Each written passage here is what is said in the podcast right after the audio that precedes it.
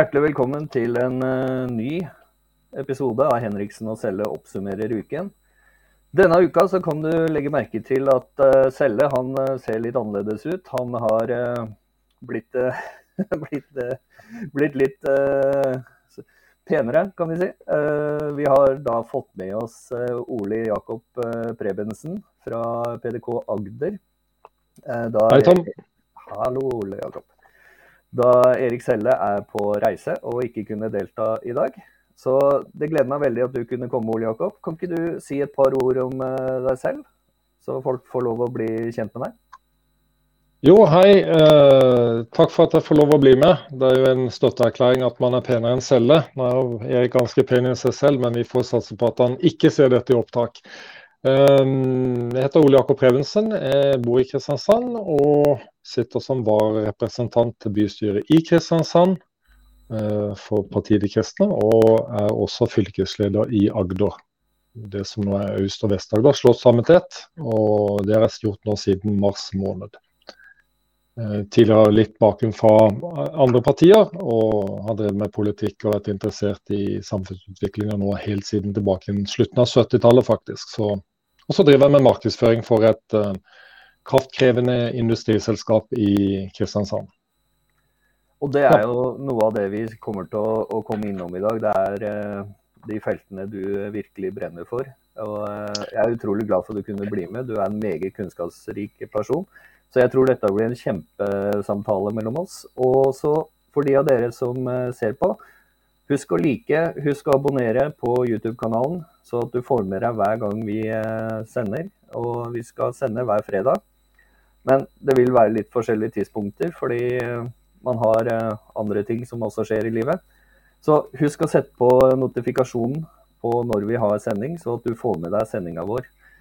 Og Ole Jakob, vi, vi, skal starte med noe litt sånn lokale saker da, som er litt hete i, i nyhetsbildet akkurat nå. Og det, det er en kommune hva skal man kalle det, en diskusjon, krangel, mellom noen ordførere og noen uh, Senterpartifolk på Stortinget. Og det er vel et ønske om å, å, splitte ut Søgne fra Kristiansand kommune. Kan ikke du gi oss litt bakgrunn og litt uh, synet til dere nede i PDK Agder? Jo, takk for det. Det er jo ikke bare lokalt dette her. Det er jo faktisk regjeringen Støre som har gått inn og sagt at nå skal det gjennomføres en folkeavstemning. I forbindelse med at Høyre da vedtok å slå sammen eh, både fylker og kommuner, så ble Kristiansand omgjort til nye, eller Stor-Kristiansand, hvor eh, Søgne og Sogndalen da ble satt sammen med Kristiansand. Eh, under store protester. Man hadde tidligere hadde hatt en avstemning i Søgne, og de sa nei. regjeringen sa ja på det tidspunktet, og derfor fikk vi da et store, stort Kristiansand. Vi gikk fra 90 000 til 110 000 innbyggere. Så Søgne er ingen liten, liten, kommune i seg selv. Um, da, har man da, har det vært oppe i bystyret at uh, man ønsker å ha en ny folkeavstemning, slik at Søgne nok en gang kan bli selvstendig. Um, Søgne har klaga på uh, at helsetjenestene kan bli litt dårligere, at pasienter ikke blir sett. Uh, det er jo særdeles viktig at de blir det men at det blir nærmest en sånn stordrift av kommunene som ikke er formålstjenlig. Eh, bystyret har vedtatt at det ikke skal være folkeavstemning. Regjeringen med Støre har vedtatt at nå skal vi ha folkeavstemning. Eh, litt av utfordringa er at dette koster masse penger. Eh, og vi kan ikke bytte på kommuner ut fra hvem som sitter i regjering. Så all ære til Søgne-folk som vil gå tilbake til det de har hatt, men her må vi se litt på kostnadsrammene. For hva skjer dersom Høyre Frp kommer tilbake igjen? Kommer vi til å splitte nok en gang? Denne runddansen virker helt meningsløs og fullstendig misbruk av skattebetalernes penger. Ja, for hvor mye vil en uh, sånn splitting koste? Altså Vi i Viken vi, uh, vi, får jo opplyst at dette kommer til å koste 400 millioner å dele opp Viken uh, fylke igjen osv. Eh, hva, hva, hva beregner de om en kostnad på, på, kommunenivå? Ja, Det er litt uklart, men størrelsesorden 100 millioner kan det fort bli. Eh, dette har jo sammenheng med at når eh, kommunesammenslåingen ble foretatt, så fikk jo alle, eller svært mange offentlige ansatte som da ble omskolert eller omplassert, fikk jo sin etterlønn eh, basert på dette. Dette er jo en uh, tilleggsordning som man helt klart kan stille spørsmålstegn med. Men uh, med å gå tilbake til gammelt styresett med flere kommuner innenfor det som i dag er Kristiansand, så man, blir det jo omvendt. Da må, får man ekstra utgifter forbundet med flere kommunestyrer. I Kristiansand kaller vi det bystyre, i Søgne er det kommunestyre osv. Så, videre. Så kostnadene forbundet med dette, ja, det vet ikke engang om kommer offentligheten for å gjøre, men rundt 100 millioner. Ja, og Det er jo en betydelig kostnad for en uh, mellomstor kommune i Norge. Det er jo blant en av de største, men allikevel. Det, ja. det, er mye penger som går rett i et sluk, uh, for å si det sånn. Og... Ja, det, det, er i sammenheng med resten av kongeriket Norges uh, meget store forbruk av våre skattepenger. Det kan vi sikkert komme tilbake til, Tom. Ja da, og, og, og, det bringer oss uh, litt videre. fordi for, for, for, lenge siden da, så, så, så, hadde vi noen artikler i forhold til Vi drev valgkamp i 2019, og, og da er det sløsing av offentlighetens penger. Altså allerede da så, så dro vi virkelig mye penger rett ut på, på byråkrati, på ja. feilprosjekter. Eh, vi ser Fornebu, for å bare nevne noen. Eh, du kan lese mer på denne artikkelen eh, Tom Henriksen .substack.com hvis du vil lese alle detaljene. Men det bringer oss litt over til Du nevnte også at det kommer bompenger og den type ting også ned hos dere? Ja, dette er jo en, uh, dette er nærmest som å betrakte som, som Gardermoen flyplass-skandale. Vi har jo hatt i mange år hvor skal veien gå gjennom Kristiansand. Næringslivet i Kristiansand sentrum har jo bestemt at de sitter mye med makta, og, makta i begge ender har bestemt at vi må ha transporten gjennom Kristiansand sentrum. Og for de som har vært i Kristiansand, vet at sentrum i Kristiansand ikke er akkurat, er ikke akkurat en storby. Det er en kvadratkilometer. Men eh, det heter Gartnerløkka-prosjektet. Så her skal man da eh, lage en ny, nytt prosjekt, slik at vi får firefelts vei gjennom hele Kristiansand. Det skal svå gjennom sentrum. Eh, det er firefeltsvei helt fra Dyreparken, altså Sørlandssenteret, og vestover. Eh, men det mangler ca. en kilometer i underkant av det for at vi har firefeltsvei. Og Det er en bro som går fra sentrum og vestover. Eh, Istedenfor da å hive opp en bro som er kostnadsberamma til 500 millioner kroner, slik at vi har firefeltsvei, så velger man da å foreta et helt nytt Gartnerløkka-prosjekt til 3,5 milliard. Det medfører at eh, det settes 11 nye bomringer i Kristiansand ikke bomringer, men bomstasjoner i Kristiansand. Eh, bilistene skal nok en gang betale, fordi vi allerede har fått forlenget tre ganger. Og dette bare fortsetter og fortsetter. Og spesielt da når bompengene går til andre tiltak enn det de er ment å gjøre, nemlig veiutbygging. Så går det til sykkelstier og det går til kollektivtrafikk. Eh, det vi er glad for i Kristiansand, det er jo at eh, galskapen med å stenge den ene av de to broene som krysser elva vår, Otra, som ble vedtatt å bli stengt for en par år tilbake, det er nå vedtatt det skal vi ikke gjøre. Eh, hensikten var jo her å redusere CO2-utslippene. Men eh, når man tenker seg litt om, så er det klart det at eh, stenger du den ene broa, så blir ikke køen noe mindre på den andre. Og Per dags dato så står man da gjerne en halvtime i kø for å komme inn den ene kilometeren fram. Så sånn er det i Kristiansand. Og sånn er det store deler av hele Norge. Eh, det er Det, det, det, ser vi jo. Og eh, jeg får stadig tilbakemeldinger om eh, veiprosjekter, løsninger, rundkjøringer, bomstasjoner som ikke gir noe mening. Bare lokalt her sånn, så lager de en rundkjøring rett foran en bolig. og Dermed så får ikke de som bor der henta søpla si, fordi søppelbilen kan ikke stoppe igjen midt i en rundkjøring. Altså, Det er noe med planlegginga i AS Norge som må endres. og det bringer oss også litt uh, videre. fordi du, du, nevner dette med CO2-avtrykk. At man er veldig ja. opptatt av dette med CO2-avtrykk. Og da er vi jo inne, inne, på dette med energi. Og uh, de fleste av oss har jo da de siste månedene, kanskje halvåret, fått uh, noen heftige regninger, alt etter hvor du bor i Norge. Eh, her nede i Viken så, så ser jeg det ligger på 160-200 øre per kilowatt. Hvordan er kostnaden nede hos dere? Ja, vi er nok ikke så heldige, vi. Vi som bor litt, faktisk litt varmere strøk. Vi har fasttilbud her nå på Fagla Energi, som forresten skal plane om å slå seg sammen med Glitre Energi. Eh, den kampen skal vi ta i bystyret kommende onsdag. Men eh, vi ligger på en 260-270 øre kilowatten. Eh, og Det er jo temmelig skremmende sammenlignet med hva det var før i tiden. Så det grønne skiftet, som det kalles så pent, det slår om oss og globaliseringa.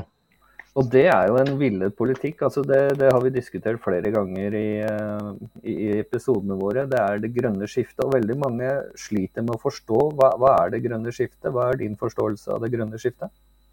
Ja, det er et, dette er jo et en, en, Dette henger sammen med FNs klimapanel, som heter IPCC.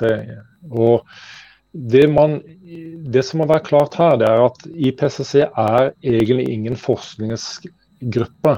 De tar forskningsrapporter, setter sammen til et, en rapport. Eh, altså klimaforskningsrapporter.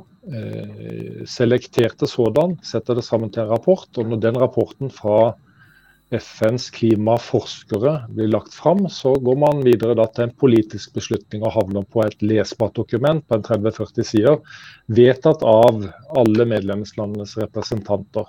Hvor svært få egentlig har forståelse på, på, dette. Men det grønne skiftet går jo på egentlig skifte ut dagen eksisterende energi med vind, sol og det man kaller klimavennlig energi. Meget, meget betimelig å snakke om det. Ja, fordi vi hadde Forrige episode så hadde vi jo eh, på en eh, forsker som da sier at eh, det er ikke nok eh, Du vil ikke ha nok energi, for energibehovet er såpass stort. Så når du da har eh, sol, vind osv. som er avhengig av vær og vind, for å si sånn igjen, så vil du ha et eh, totalt underskudd til tider. Eh, selv i et land som er selvforsynt med den reneste energikraften som er i verden, nemlig vann, så, så har jo vi valgt å selge vår energi ut. Og dette gjør jo at veldig mange har hatt store protester mot ACER. Og når, når, du sitter og ser, og du, du er jo litt godt inne i denne bransjen, og du ser på disse forskningsrapportene og du ser på, på hva er det vi er med på, er vi inne på et riktig spor, eller er vi rett og slett på ville veier eh, når det gjelder energiforsyninga vår i Norge? Ja, Jeg skal ikke bruke ordet galskap, men eh, når vi snakker om energi, så er det klart at Norge sitter med en gudgitt gave. Vi har en natur som har gjort at vi kan utbygge vannkraft. Eh, det som er Problemet med vannkraften er jo ikke at vi ikke har nok, for vi har nesten nok til å være selvforsynte så det holder. Eh, og vi har nok av olje og gass ute i havet. Eh, men hvis vi tar vannkraften, så er det jo slik at vi har en skattlegging for disse kraftselskapene som gjør at de ikke har noen insentiv for å drive full utbygging av sine kraftverk. fordi at det går på turbinstørrelser. Så hvis turbinene er store nok, så vil de få det vi kaller en grunnrenteskatt, som igjen da medfører at de, kraftselskapene tar, rett og slett må beskattes mye, mye høyere. Så dagens eksisterende kraftverk kan utbygges. Det er jo snakk om 10 terawatt. Norge produserer 130-140 terawatt i året. Eh, vi kan bygge ut 10 terawatt, noe som gjør at vi er mer enn godt forsynt alene dersom vi bare gjør noe med disse utenlandskablene. For kraften den mister jo sin kraft etter hvert over lange avstander. Så det å importere kraft fra utlandet etter at vi først har eksportert den, det er jo helt ja, meningsløst. Ja, for det, det, henger jo litt sammen med et ønske om en global verden fra enkelte sterke krefter. Helt riktig. Eh, vi, vi, vi skal nok lage et eget program når vi snakker om World Economic Forum osv. Og, så videre, og dems ønske. Eh, men, men, men, jeg ser jo det at eh, sånn som Tyskland de velger å gå bort fra atomkraft. Eh, de, de, de, rett og slett slår dem av, og de har tenkt å slå av resten også. og Så skal de da importere kraft fra Norge. Norge har da ikke nok, vi tømmer vannmagasinene våre. Norske regjering er helt handlingslammet og skylder på avtaler. Er en avtale for dårlig, så mener i så fall jeg at den avtalen kan brytes og reforhandles. Norske politikere tør ikke det. Jeg vil kalle dem feige. Eh, ja. Eh, det må rett og slett finnes en klausul i der som gjør at Norge går konkurs, eh, for å innta den feige holdninga man har da, til eh, kontrakter som er ødeleggende for en nasjon, eh, spør du meg. Helt så, riktig. Og, så, så, hvorfor tror du at man slår av atomkraftverkene? Altså det er jo den nest reneste energien eh, vi har. Er det fortsatt en gammel frykt fra 70-80, altså 60-70-80-tallet? Der vi, vi, har jo hatt en del ulykker med atomkraftverk, men ut fra alt jeg kan lese i det siste, så finnes det nesten ikke noe fare med atomkraftverk lenger. Det stemmer, og, og vi har jo da altså atomkraftavfallet kan jo, er jo snøtt noen få fotballbaner, for å si det sånn. Hvis du hadde tatt det globale, globale avfallet med det. Så det er ikke, det er ikke store volum vi snakker om her. Men når vi da tenker tilbake på, på 70- og for den saks skyld 80-tallet, så var det sterk motstand mot atomvåpen. Og I den settinga så tror jeg veldig mange mennesker tenker at atomkraft er det samme som atomvåpen. Utrolig nok. Eh, og dette med atom er jo en, far, vært et faremoment. De har hatt nei til, nei til atomvåpenorganisasjonen, som var veldig aktiv på, for noen tiår tilbake. Og hele dette debatten om atomkraftverk er fy-fy. Det er veldig synd at Tyskland gjør det, for de har jo nå basert seg på, på, på vindturbiner, vindkraft. Eh, backa opp av kull. Og når eh, vi vet hvor ufattelig ustabil vindkraft kan være, når vi har sett i Europa hvor politikerne har klaga på lite vind, så sier det seg selv at man kan ikke som politiker vedta at det skal blåse. Eh, så vi er nødt til å ha, nødt til å ha stabile kraftforsyninger. I Norge er det jo ganske greit. Vi har det som heter balansekraft. Hvor kraften må ligge innenfor en viss terskel for at ikke nettet skal bryte ned. Eh, I det øyeblikket vi går over til vindkraft, hvis det skulle skje, så vil vi få store utfordringer, eller kan få store utfordringer med å holde kraften oppe. Ja, for det, det, det, er nettopp denne balansekraften som eh, er det store. Én eh, ting er eh, IPCC og, og, klima og den type ting. Det andre er rett og slett at eh, balansen mellom varig kraft og varierende kraft blir flytta over til en varierende kraft avhengig av ytre forhold som vi ikke kan styre i det hele tatt. Som da, som da igjen gjør at vi sitter i saksa den dagen det skjer et eller annet. Ja. Og, ja. Det som er litt spesielt, for du var inne på grønne skiftet her, Tom. og det, det, er helt riktig som du sier. og I forbindelse med kraftforsyning så er det jo prisene.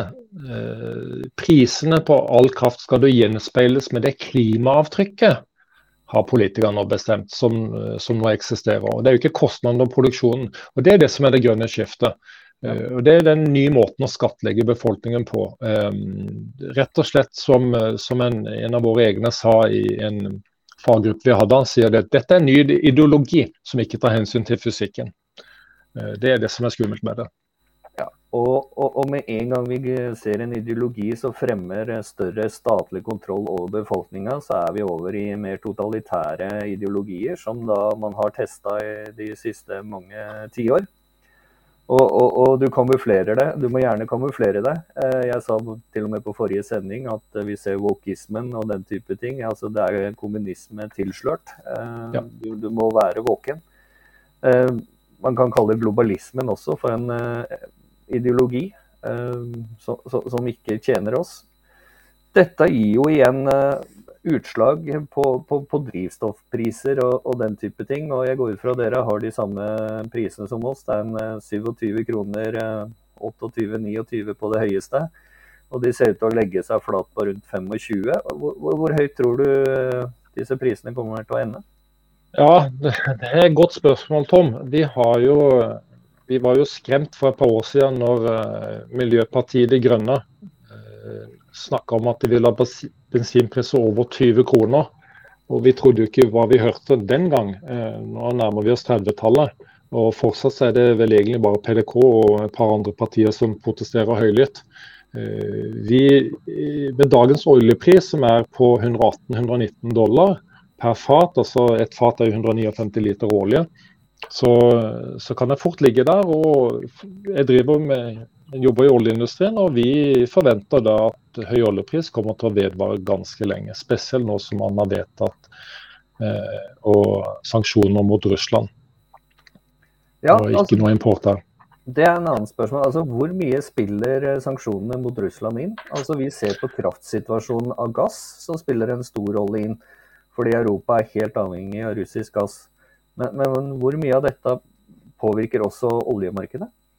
Ja, egentlig veldig lite olje, men gassen. Eh, der er jo Norge en særstilling. For vi, vi tjener penger som gress om dagen på den uh, krigen, konflikten som finnes i Ukraina. Og I den forbindelse så spares det inn en, en milliard kroner om dagen i ekstrainntekter bare på gass. Men oljeprisen styres stort sett av, uh, av, hva som er tilgjengelig på lager, og hva som da er forbruket. Og Selv om flyindustrien nå sliter litt, og man har litt utfordringer, ganske store utfordringer på logistikksiden verden over, så er det ingen tvil om at forbruket er på vei oppover. Dette er styrt gjerne av de store statene, Kina og USA. Eh, og da har vi da OPEC, oljeproduserende organisasjonen, som da er med og setter prisene på, på olje, altså et fat olje, som igjen da er med og bestemmer prisen til, utover til forbrukerne. Men vi har jo noe som heter skatter og avgifter, da, Tom. På, på bensin og diesel. Det vi har. Og, og, jeg tenkte vi, skulle, vi skal dra innom det også. Uh, ja. Rett og slett fordi det er inflasjonsdrivende. Og uh, hvis de av dere som da muligens ikke har fulgt med litt for mye, dere har sikkert merka det på lommeboka, så er inflasjonen i verden på vei oppover. Den uh, er i verste fall på vei til å løpe løpsk. I Norge så er den, er den allerede løpt løpsk, sånn sett, for min del. Jeg syns det. Den hører ikke hjemme noe sted. Fordi dette er noe man ønsker gjennom politiske beslutninger og vedtak. Eh, så kan man da drive opp eh, kostnadene i samfunnet. Og, og jeg skal bare dra opp en artikkel fra SSB eh, som nå sier at høy inflasjon og økte renter vil bremse veksten i norsk økonomi. Det vil si en resesjon etter hvert. Man hadde jo pandemien, eh, så hadde man at eh, masse skip ikke fikk legge til kai rundt omkring i Los Angeles, i Kina, Shanghai osv. osv. Altså, her er det mye som har skjedd de siste to-tre årene som er med på å legge til rette for en eh, økonomisk kollaps i så fall de vestlige landene de økonomiene som går veldig bra om dagen, det er eh, Venezuela som eh, bare har 200% inflasjon, mot 800 for en, eh, forrige uke. Eller uka før der igjen. Så, så, du ser Russland vokser, du ser Kina vokser. Du har muligens i India litt inflasjon. Pakistan har vel alltid hatt litt inflasjon, så jeg ikke husker helt feil. Men, men, men, dette kommer til å gi oss eh, en brå oppvåkning. Altså, hva, hva, er dine tanker rundt eh, det vi ser på det økonomiske eh, i Norge nå? Ja, Du, du nevnte en del nasjoner, Tom, og vi er helt enige om dette. Vi, en, vi, har, vi, ser jo det at disse nasjonene som egentlig ikke har veldig mye til overs for det grønne skiftet, FNs plan og Espen Barth Eide som foregangsperson på dette her, og disse EU-byråkratene som skal gjøre alt grønt. Disse nasjonene, Kina og India, som ikke er med i Parisavtalen, eh, de jeg skal ikke si de lever herrens glade dager, men de har jo da et annet syn på virkeligheten. Eh, og Vi bør nok ta litt lærdom om hva som skjer, før vi blir konkurranseutsetter all vår industri. Så logistikkproblemer verden over med containere. Det har vært store, store problemer med forsyninger. Eh, dette henger ikke på greip for disse som driver med, med klimaaktivisme. fordi at eh, hvis vi slutter å produsere her i Europa, hvor skal vi da importere fra? Og hva skjer da med CO2-utslippene? Så eh, det er litt kortsiktig det som nå skjer.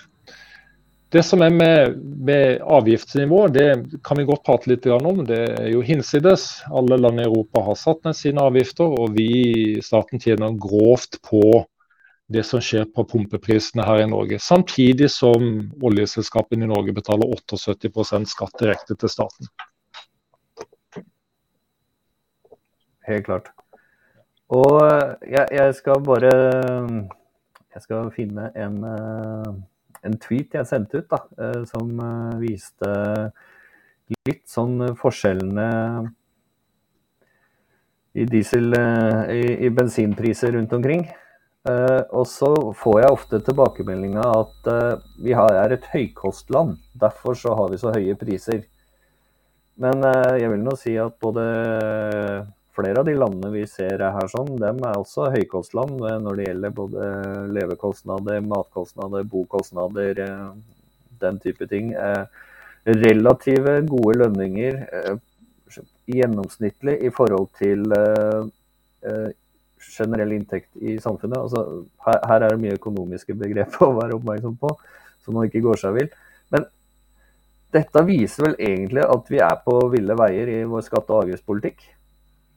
Absolutt. Jeg husker før jeg jobba i oljeindustrien i eh, snart tre tiår, og før i tida kostet det 25 øre for drivstoff i Saudi-Arabia. Det kosta litt over en dollar for altså da dollaren var lavere enn det den er nå. En dollar for 3,78 liter.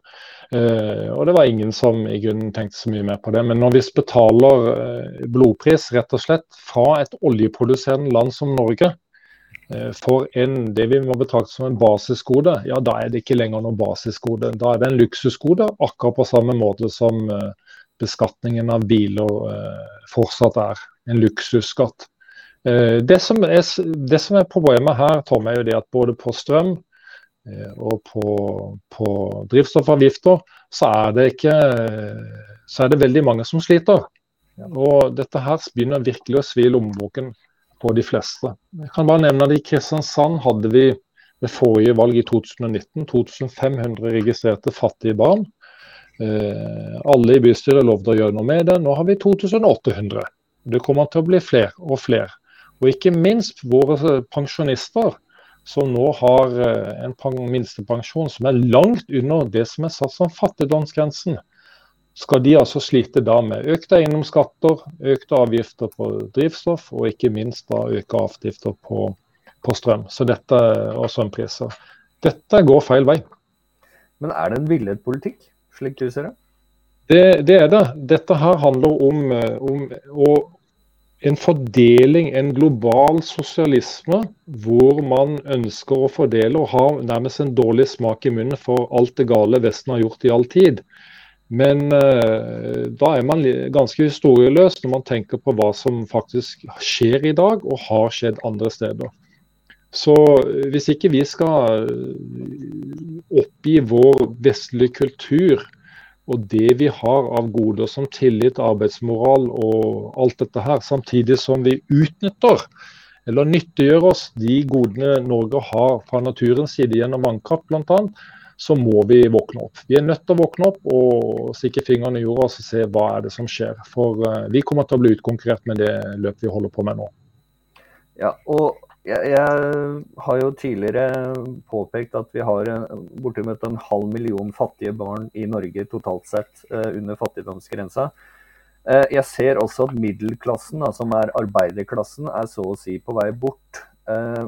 Fjerner du arbeiderklassen, så har du et økt klasseskille mellom dem som har og dem som ikke har. Og det kommer tydeligst frem nå når Stortinget bevilger seg selv dobbelt opp. Mens uh, minstepensjonistene ender opp med halvparten. Uh, er det dette som er den rettferdige sosialistiske omfordelingspolitikken? Altså gi makteliten mer penger, og så gir vi smulene til de som har minst? Du er helt rett i det spørsmålet du stiller. Altså, vi, vi, du nevner dette med inflasjon. Inflasjon medfører, kan medføre resesjon, altså at ting går ad undas. Og Resultatet det er jo arbeidsledighet, at folk slutter å kjøpe varer. Og hvem går det utover? Det går utover de som faktisk produserer ting. Og Den norske stat eh, er jo ikke den som skaper noe som helst. Staten skaper ikke arbeidsplasser, de etablerer arbeidsplasser. Så hele tankeprosessen her i, i Norge om hvordan skaper vi ting, må på plass. Da må grunnlaget, skatte- og avgiftspolitikken og enkelheten i det å starte ting, det må være på plass for uh, gründere og andre som ønsker å utvide sin, sin virksomhet. Uh, det vi ser da, er jo det totalt motsatte. Staten er søkkrik, tjener mer og mer penger, og da er det veldig enkelt for stortingspolitikere å si oi, vi har fått mer penger på bok, vi. Her må vi bruke de opp. Samme skjer i lokalt i Kristiansand bystyre. 250 millioner kommer inn fra fra, fra utbytte fra Agder Energi. Og det man stiller spørsmål ved, er hvordan vi fortest mulig kan bruke opp de pengene. Istedenfor å tenke som en bedrift gjør, eller som en helt vanlig familie gjør. Så vi lever egentlig litt på kredittkort her i Norge nå. Ja, for det, for det forbausa meg litt. Altså, vi i Indre vi har to milliarder over det i gjeld, og så fikk vi 400 millioner i overskudd i fjor. og Pengene skal da brukes på alt annet enn eldreomsorg, eh, helsepleie, eh, bil. Eh, vi, vi, har veier rundt omkring i hele Askim og rundt omkring. Det er bare fullt av høl. Men allikevel, vi skal ikke gjøre noe som gagner folket. Pengene skal brukes på forestillinger eller kulturbygg eller noe sva, annet svada. Jeg, jeg, skal si det rett ut. Det er, jeg, jeg kaller det svada. Eh, ja. Det, og, det ikke folket, og dette er jo med på å drive inflasjon igjen. Fordi du, du, du setter i gang en kunstig vekst i eh, økonomien. Akkurat. Det er et utall eksempler, og jeg er sikker på at du vil komme tilbake inn i denne sendinga her med, med, en av våre eh, fabelaktige folk eh, som har tatt for seg sløseriet. Eh, men det er jo ingen tvil om at når, når prinsippet med at andre skal bruke andres penger på andre, eh, er fremtonende blant politikere, så er det ikke noen begrensninger i verken kvalitet eller hva man ikke går til innkjøp av. Og dette har vi jo sett, beklager uttrykket, vi har jo sett at noen kunstnere får millioner av kroner for drite maling. Eh, Trondheim kommune brukte jo 400 000 for å feire at de skulle ha eh, hadde etablert en ny sykkelsti. Så, så dette her er sløseri på, på mine og dine penger. Og min, jeg vet ikke om jeg er alene om det, men jeg er jo den oppfatning at staten har aldri inntekter. Eh, inntekt er noe du skal gjøre deg fortjent til. Så når staten tar penger fra vanlige folk, og hva det måtte være, så, så er det en annen form for, for, for skattlegging som vi i PDK mener skal til. Helt klart. Og, og, vi er jo eh, egentlig litt inne på, på, på, drivstoff og bensin. Jeg har lyst til å gå litt tilbake til det. Fordi ja. raffineri hva, hva, er det som gjør at vi bare har to raffineri, og det er kun det ene som uh, produserer uh, oljeprodukter i Norge? Når vi har uh, all den olja? Ja, Det er et godt spørsmål, Tom. fordi at vi eksporterer jo rundt 90 av all olje og gassen vi, vi, vi, produserer fra brønnene i Nordsjøen, Norskehavet og Barentshavet. Eh, det er merkverdig. Eh, spesielt må det jo være merkverdig for disse som er klimafanatikere. Eh, hvorfor vi sender det ut av landet for så å sende det tilbake igjen. Så, så hvorfor har vi det? Det er ingen tvil om at kort vei, kall det kortreist olje for den saks skyld, hadde vært en fordel for, for alle nordmenn. Uh, og Det uh, har nok litt med kostnadsrammen å gjøre, og ikke minst at uh, ting som Mongstad, en Mong fra gammelt av, var en milliard. ting gikk ikke den veien det skulle når Stoltenberg prøvde seg på den. Mm. På samme måte som Langskip heller ikke kommer til å koste 25 milliarder. Når vi skal begynne å grave ned vår livsviktige gass CO2. Ikke sant. Uh, og vi skal jo drive business med det også, så jeg Støre. Han uh, ser for seg livet etter uh, oljen. Det er å grave ned CO2 i tomme oljebrønner. det skal vi også komme tilbake til litt seinere, for det, det, det, er så mye å ta tak i i samfunnet i dag. Altså, jeg bare sitter og sitrer innimellom og får lov å prate om disse tingene. Og nå, nå, nå, har vi jo vært inne på skatter og avgifter og alt mulig, og olje og raffinerier og den type ting. Og, og, syntesegass er noe du ofte nevner for meg. Kan ikke du dra oss litt gjennom hva er syntesegass, og hvorfor eh, skal vi eh, bry oss om det? I tillegg til ja. det, om syntesegass, når vi og vår sending er ferdig, så om en liten stund skal dere få lov å høre Hans Borge også snakke om syntesegass. Det er daglig leder i Klimarealistene. Så ja. hva er syntesegass? Oljekamp? Ja, syntesegass er, det er faktisk dette skal jeg overlate til Hans Borge, men syntesegass er en blanding av eh, metan og hydrogen som da finnes under, under havbunnen ute på Haltenbanken. Haltenbanken er et av de store norske feltene eh, rundt omkring. Eh, og vi har da nok energi i den syntesegassen til å sørge for at verden har den energien den i dag bruker de neste 1000 år. Så dette er enorme reserver. Dette er kun på Haltenbanken. Det er fullt mulig at det finnes andre steder i Nordsjøen og Norskehavet. Eh, så eh, at det at det ikke er satt fokus på dette fra den norske stat for å ta opp den metanen som finnes, dette henger jo sammen med frykten for metan som gass og klimautslipp og det ene med det andre. Eh, nå skal ikke vi ta den klemmerdebatten, det får han snakke om. Eh, for det er ingen tvil om at her er det mye rett og slett mye det vi på Sørlandet kaller fanteri. Men syntesegass er absolutt noe man bør se eh, på når det gjelder energiform, eh, og ta det opp. Eh, det er jo ikke noe mer farlig dette her enn en dagens oljeboring. og Den er jo den sikreste som finnes i hele verden. Ikke sant. Ja. Og, og, det er jo dette man er litt redd for. og Du eh, ser Sleepy Joe Biden. Han eh, stengte jo ned oljerørledninga rett og slett av den enkle grunn han var redd for lekkasjer, den type ting. Eh, I dag så sliter USA med energi, som de fleste andre land både i Europa. Han skal også reise over til eh, OPEC-landene, og spesielt Saudi-Arabia, og, og, prøve å overbevise dem om å slippe ut mer olje i, eh, i verdensmarkedet. Samtidig som man tømmer reservene. Altså, Hva er det som er farlig for eh, store nasjoner nå? Å tømme reservene sine? og vi nå, nå, går vi en sommer i møte, men jeg, jeg, tenker at vi må se litt fram mot vinteren.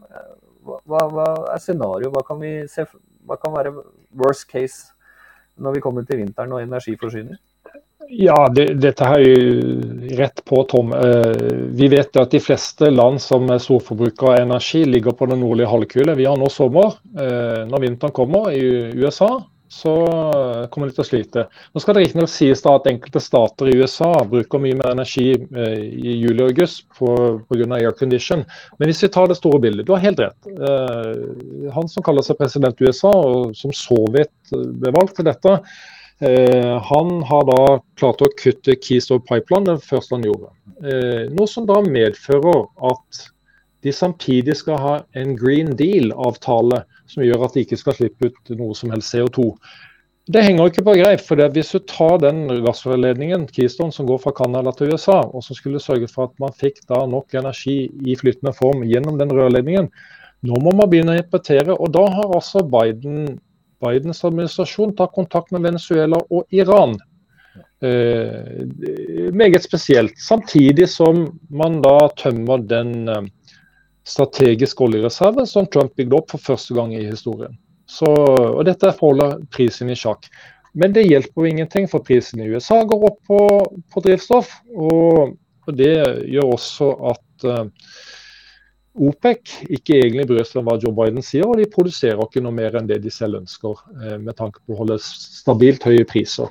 Men disse OPEC-landene er jo Midtøsten-land, Venezuela og et par andre, som er helt avhengig av høye priser for å holde liv i egen befolkning. Ikke sant? For man har ja. en vel velferdsstat i disse landene. Eh, litt sånn som Norge. Vi har 60% som jobber i staten. Det er staten som er den største arbeidsgiveren.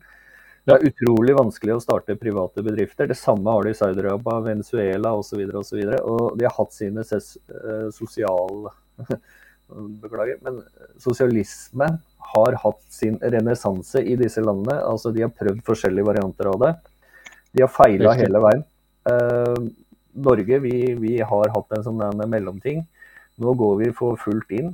Eh, og, og, jeg frykter at vinteren vi kan oppleve både avbrekk i strømmen, og vi kan eh, oppleve rett og slett pålagt eh, bruk og ikke bruk. Vi har allerede fått en differensiering i strømmen.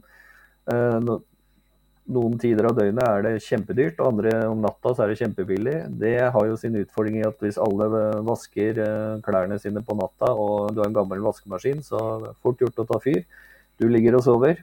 Har du da i tillegg en dårlig eh, brannvarsler, hva så? Hva gjør du? Ja, Du har jo helt rett i dette, Tom. og det, det, som er litt av utfordringen er jo det at Hvem har råd til å kjøpe ny vaskemaskin? Hvem har råd til å kjøre eh, den bilen du hadde og har hatt kanskje i flere år? Hvem har råd til å bytte til en elbil? en Tesla, hva det er.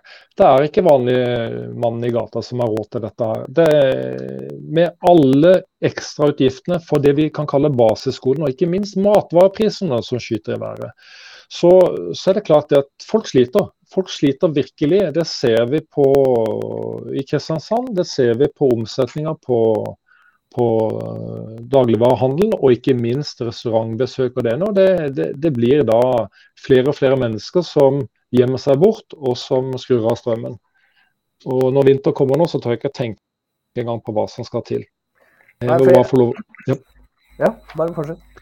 Nei, jeg bare tenker på, på det vi har snakka litt om tidligere, dette her at kommuner og staten gjør seg rike. Når staten, eller i det tilfellet her da Kristiansand kommune, tar inn 250 millioner kroner i utbytte, så finner man penger man ønsker å benytte til nye tiltak. Istedenfor å si ja vel, her har vi 250 millioner kroner som egentlig ikke var stipulert inn i budsjettet. Hva kan vi redusere eiendomsskatten med for å lette dette for den vanlige mennesket i innbygger her i Kristiansand? Men de spørsmålene stilles ikke av uh, dagens politikere. Det syns jeg er skremmende. For politikere er til for oss, og vi er ikke til for dem.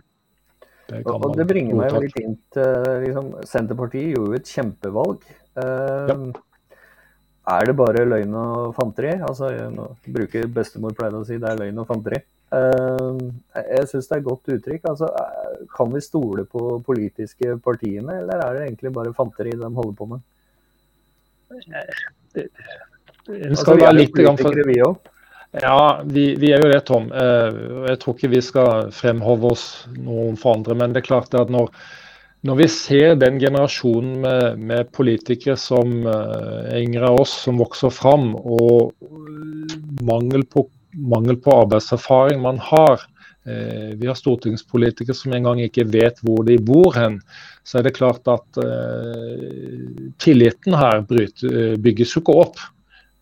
Det må sant sies. Så, så, vi får prøve å være et bedre eksempel enn de som har vært før oss. Når vi får komme inn i kommune og fylkesting, og potensielt også storting. For eh, en opprydding må til. Her er mye rart og, og mye gripe fatt i. Helt klart, og, og, mye av det har vi jo vært igjennom så langt i dag. Eh, hva, eh, hva, hva, tror du vil skje med ytringsfriheten?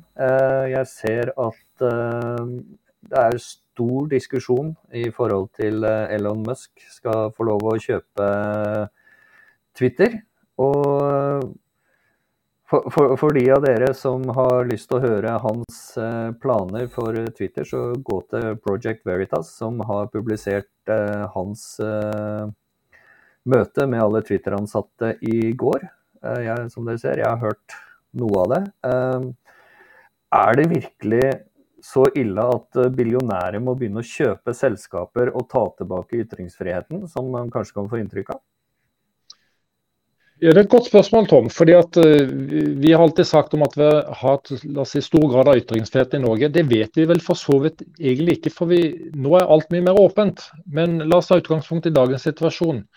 Uh, vi har da et samfunn uh, snakke internasjonalt, hvor en lovlig valgt president av USA blir utestengt fra sosiale medier, mens talsmannen for Taliban og IS og sjefssjefen i Iran, et regime som er så langt unna det vi kan kalle demokrati, får lov å ha sine kontoer åpne.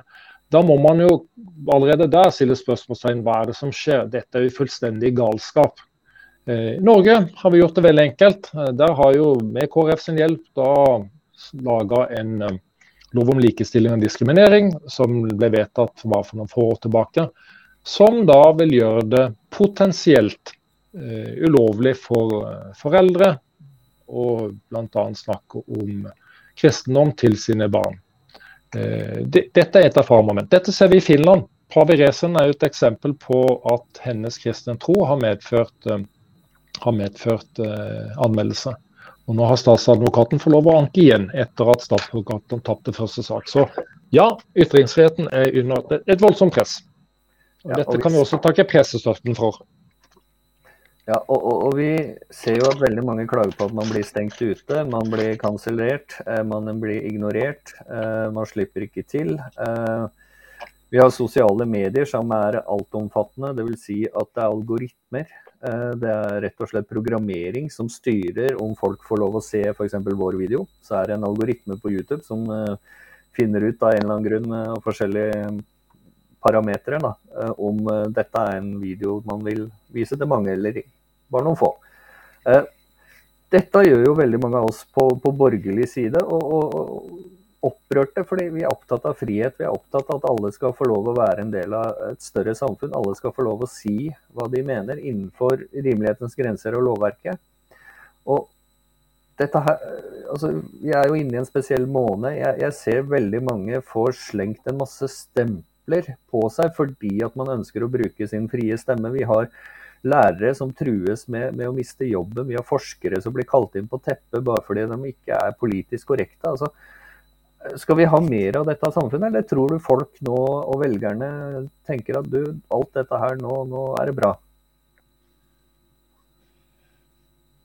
Jeg, jeg, tror, og jeg mener bestemt, at vi er i ferd med å bli mer totalitære. Uh, helt klart, jeg tør å si det så sterkt. Vi, vi, har hatt høy grad av ytringsfrihet i dette landet. Vi har hatt høy grad av menighetsutveksling. Men når man ser tilbake på disse sort-hvitt-debattene som var på TV før i tida, og når Fagerfjernsen kom, så ble det altså debatter mellom Kåre og Gro. Eh, det var en saklig debatt. Det fins ikke lenger. Er du uenig med woke, wokeismen, så får du et stempel på deg med en gang. Står du opp for noe som er imot deres synspunkter, så blir du stempla. I det øyeblikket man går tom for argumenter fra deres side, så er man enten rasist, eh, nasjonalist, Eh, som jeg mener er en positivt lada begrep i mange sammenhenger, eller man, eller man, er virkelighetsfjern på den måten at man ikke forstår, forstår at eh, jorda nå brenner. Når den vitterlig da altså ikke gjør. Så mange av de tingene her er uh, skremmende. Vi har en samfunnsutvikling som går feil vei. Dette kan vi snu. Vi må få tilbake igjen alt det som har gjort oss eh, til det vi er og har vært. Eh, og Vi må begynne å være ærlige med oss selv om hva det er egentlig vi holder på med. Og Det betyr at åpenhet er et veldig viktig prinsipp. Og det er noe vi skal kjempe for. Eh, vi gleder oss veldig til valgkampen i 2023, der vi skal få lov å påpeke alle disse tingene også. Og, eh, og, og igjen, vi, vi, kommer til å flere ganger komme innom de samme tingene. Mener du at mye av det vi har vært igjennom dag, i dag, da, sånn som energi, inflasjon, nasjonalstaten, pengesløsing, bruk IP, IPCC, OPEC osv. Altså, er det en sammenheng? Altså, kan vi trekke tråder mellom de forskjellige store aktørene og se at det man egentlig ønsker, er en mer enhetlig verden, som da skal omfordele goder eh, overalt? Ja, det er helt riktig. Og, og, ikke bare en enhetlig verden, men en mer styrt verden. Eh, I den grad at uh, få skal styre over de mange.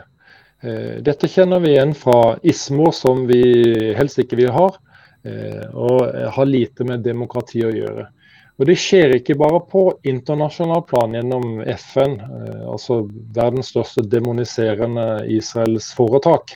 Men det skjer også på sentralplan i Norge, og det skjer på kommunalt plan. Det Vi må bare si ifra. Vi må stå opp og tørre å stå opp, alle dere som hører på dette. Tørre å stå opp og si ifra. Eh, om det betyr da at man skal snekre paller i noen uker, så får det så være, men her må vi altså gjøre noe. Og si ifra på det som er sannhet. Og det er lov å si ifra. Det er fortsatt ja. sånn at det er lov å si ifra. Om naboen blir sur på deg, eller vennen din blir sur på deg, så er det fortsatt lov å ha en mening. Det er fortsatt lov å stå fast på sin mening, så lenge du føler du har rett til det.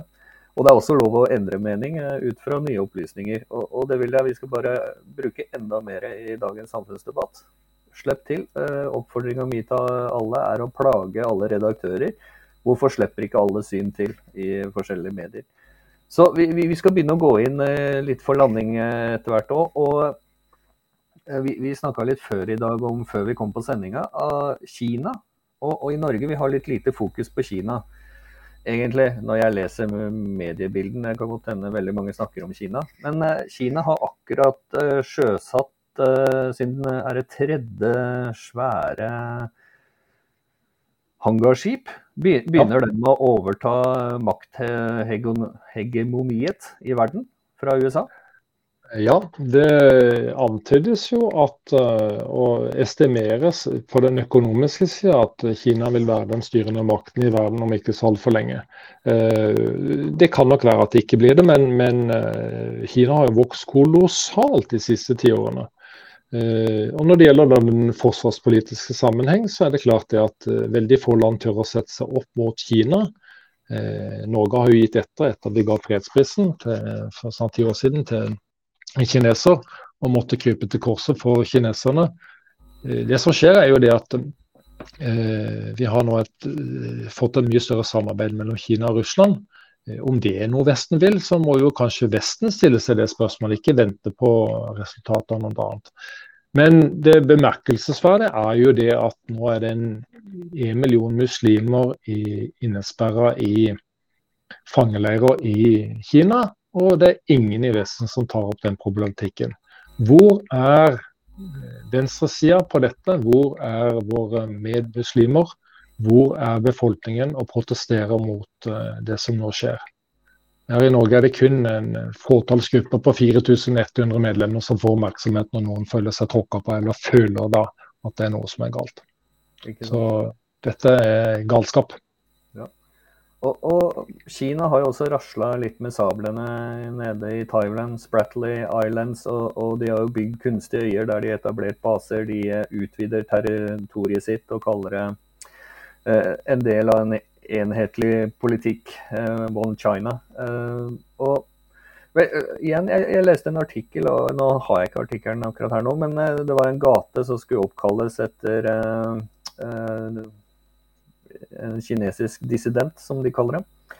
Der Kina bare hadde satt ned foten, og regjeringa i, i England, London, måtte gi seg og fjerne det. Og da var det sånn eh, nei, wokismen har ingenting å gjøre i Kina. Hvorfor, hvorfor er ikke våre vestlige ledere like tøffe? Ja, Det er et godt spørsmål. Eh, vi har jo sett, eh, spesielt fra de tre siste utenriksministrene vi har hatt i Norge, at vi gir etter for press. Og Det trenger ikke å være mye press, fordi at Norge har hatt en tendens til at vi, vi vet best utenrikspolitisk i alle saker. Og vi gir oss, øh, føyer oss etter det som er flertallsbestemmelsen til enhver tid. Dette ser vi i demonisering, jeg kaller det en demonisering av staten Israel. Øh, som visstnok er en apartheidstat, osv. osv. Nå har jo da øh, utenriksminister Huitfeldt begynt med hjelpesendinger fra Tyrkia inn til Syria. Og glem det som da skjer i Israel, fordi at man, man, man, har ingen interesse.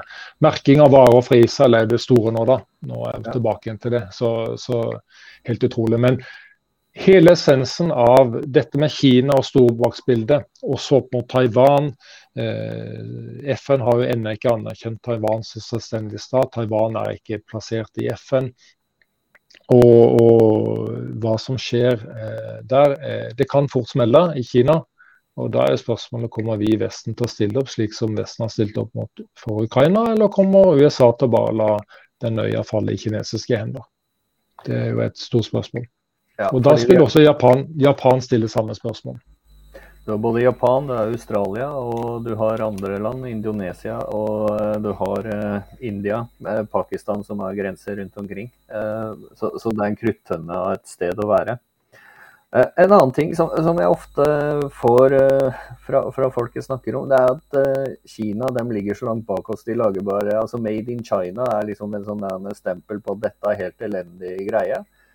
Og liksom, uh, I den forbindelse så hadde jeg lyst til å dra opp en artikkel som kom nå nettopp, i forhold til hva kinesiske studenter og kineserne setter eh, sin ære i utdannelse om dagen. Altså utdanningssystemet til kineserne begynner å gå forbi alt vi har i Vesten. Og akkurat nå så, så kan vi se at kinesiske førsteårsstudenter de eh, hadde laga en eh, liten computer som slår ut supercomputeren Fugu, Fugaku i Japan med nesten 4 millioner CPU-cores. Altså det er noen tenkende brikker inn i en datamaskin som gjør at den er i stand til å knekke hva enn du måtte putte inn i maskinen og ønsker et svar på.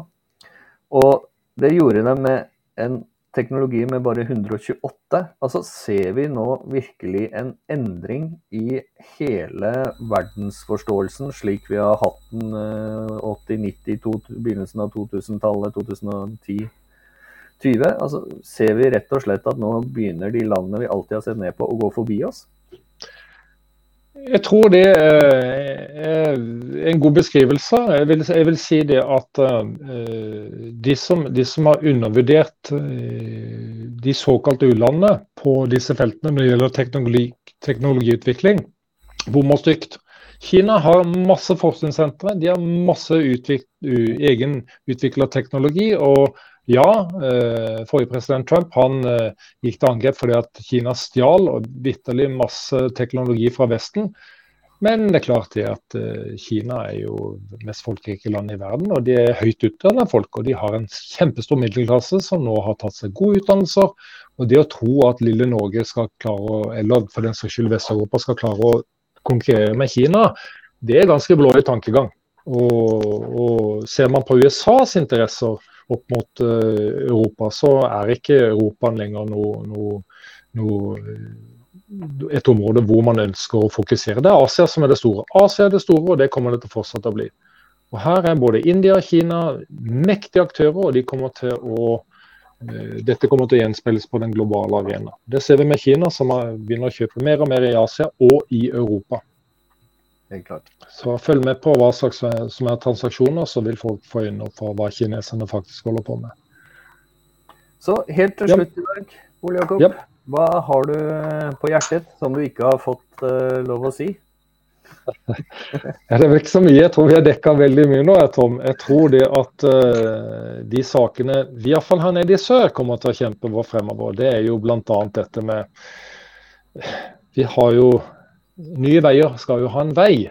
For å ta den, Vi får håpe rett fra Kina til veien i Kristiansand.